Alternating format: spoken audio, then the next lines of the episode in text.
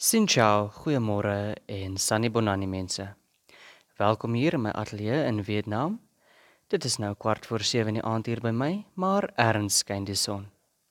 Nou, in 'n vorige episode het ons so 'n bietjie gekyk na sewe opsies wat ons kan oorweeg vir die toekoms van ons republiek. So kom ons kleur hierdie prentjie verder in.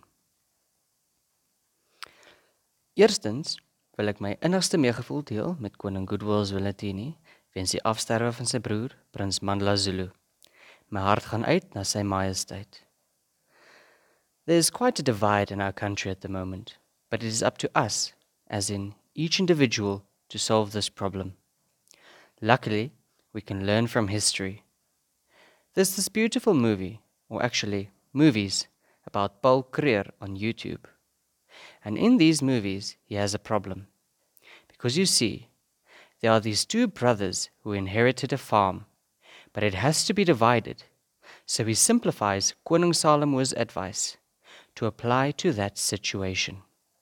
He tells the one brother, You get to draw the border because you are the eldest. And then he tells the other brother, But you get first choice. In the second movie, he tells one brother, You get to draw the border because you are the smartest. And then he tells the other brother, But you get first choice.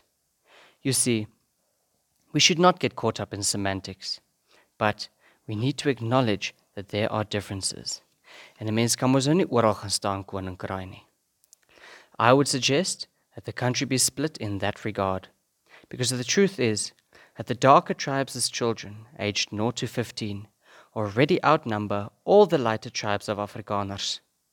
Linguistically, you can see where that line should be drawn. These children of darker Africa will also need medicine and education. They'll also want to be proud of their heritage and culture. And we should never dare take away a child's heritage. Therefore, I would advocate, like many others, that we now say, Brother, you take the eastern half with the best agricultural land and the gold mines of the Witwatersrand, along with the massive coal reserves, and we'll take the western half. Because now it is time that we move out of our parents' home and build our own futures and families. But that doesn't mean that we don't still love each other or that we'll never see each other again.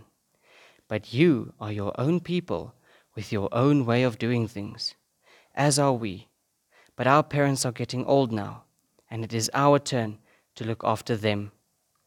Your youths have an amazing future ahead of them, but our youths can no longer live their lives in your home or in the land of the foreigner, because we are family, and nothing will ever change that. We might not always see eye to eye, but of course, we still love each other. Now, we all have to build our own future, but we can do it side by side and help wherever we can. Maybe we can draw that border west of Mafeking along the N18 highway with an arm to Pretoria, shaking hands with Jozi. Down the highway again, west of the Oranje rivier, down past Colesberg, west of the N9 highway, finally joining the Western Cape. We don't necessarily have to make it a hard border, but maybe just a post or a monument commemorating the strives that we've fought for together. And of course, our children can visit each other's homes and they can still play together under the African sun because they are also family and will always be.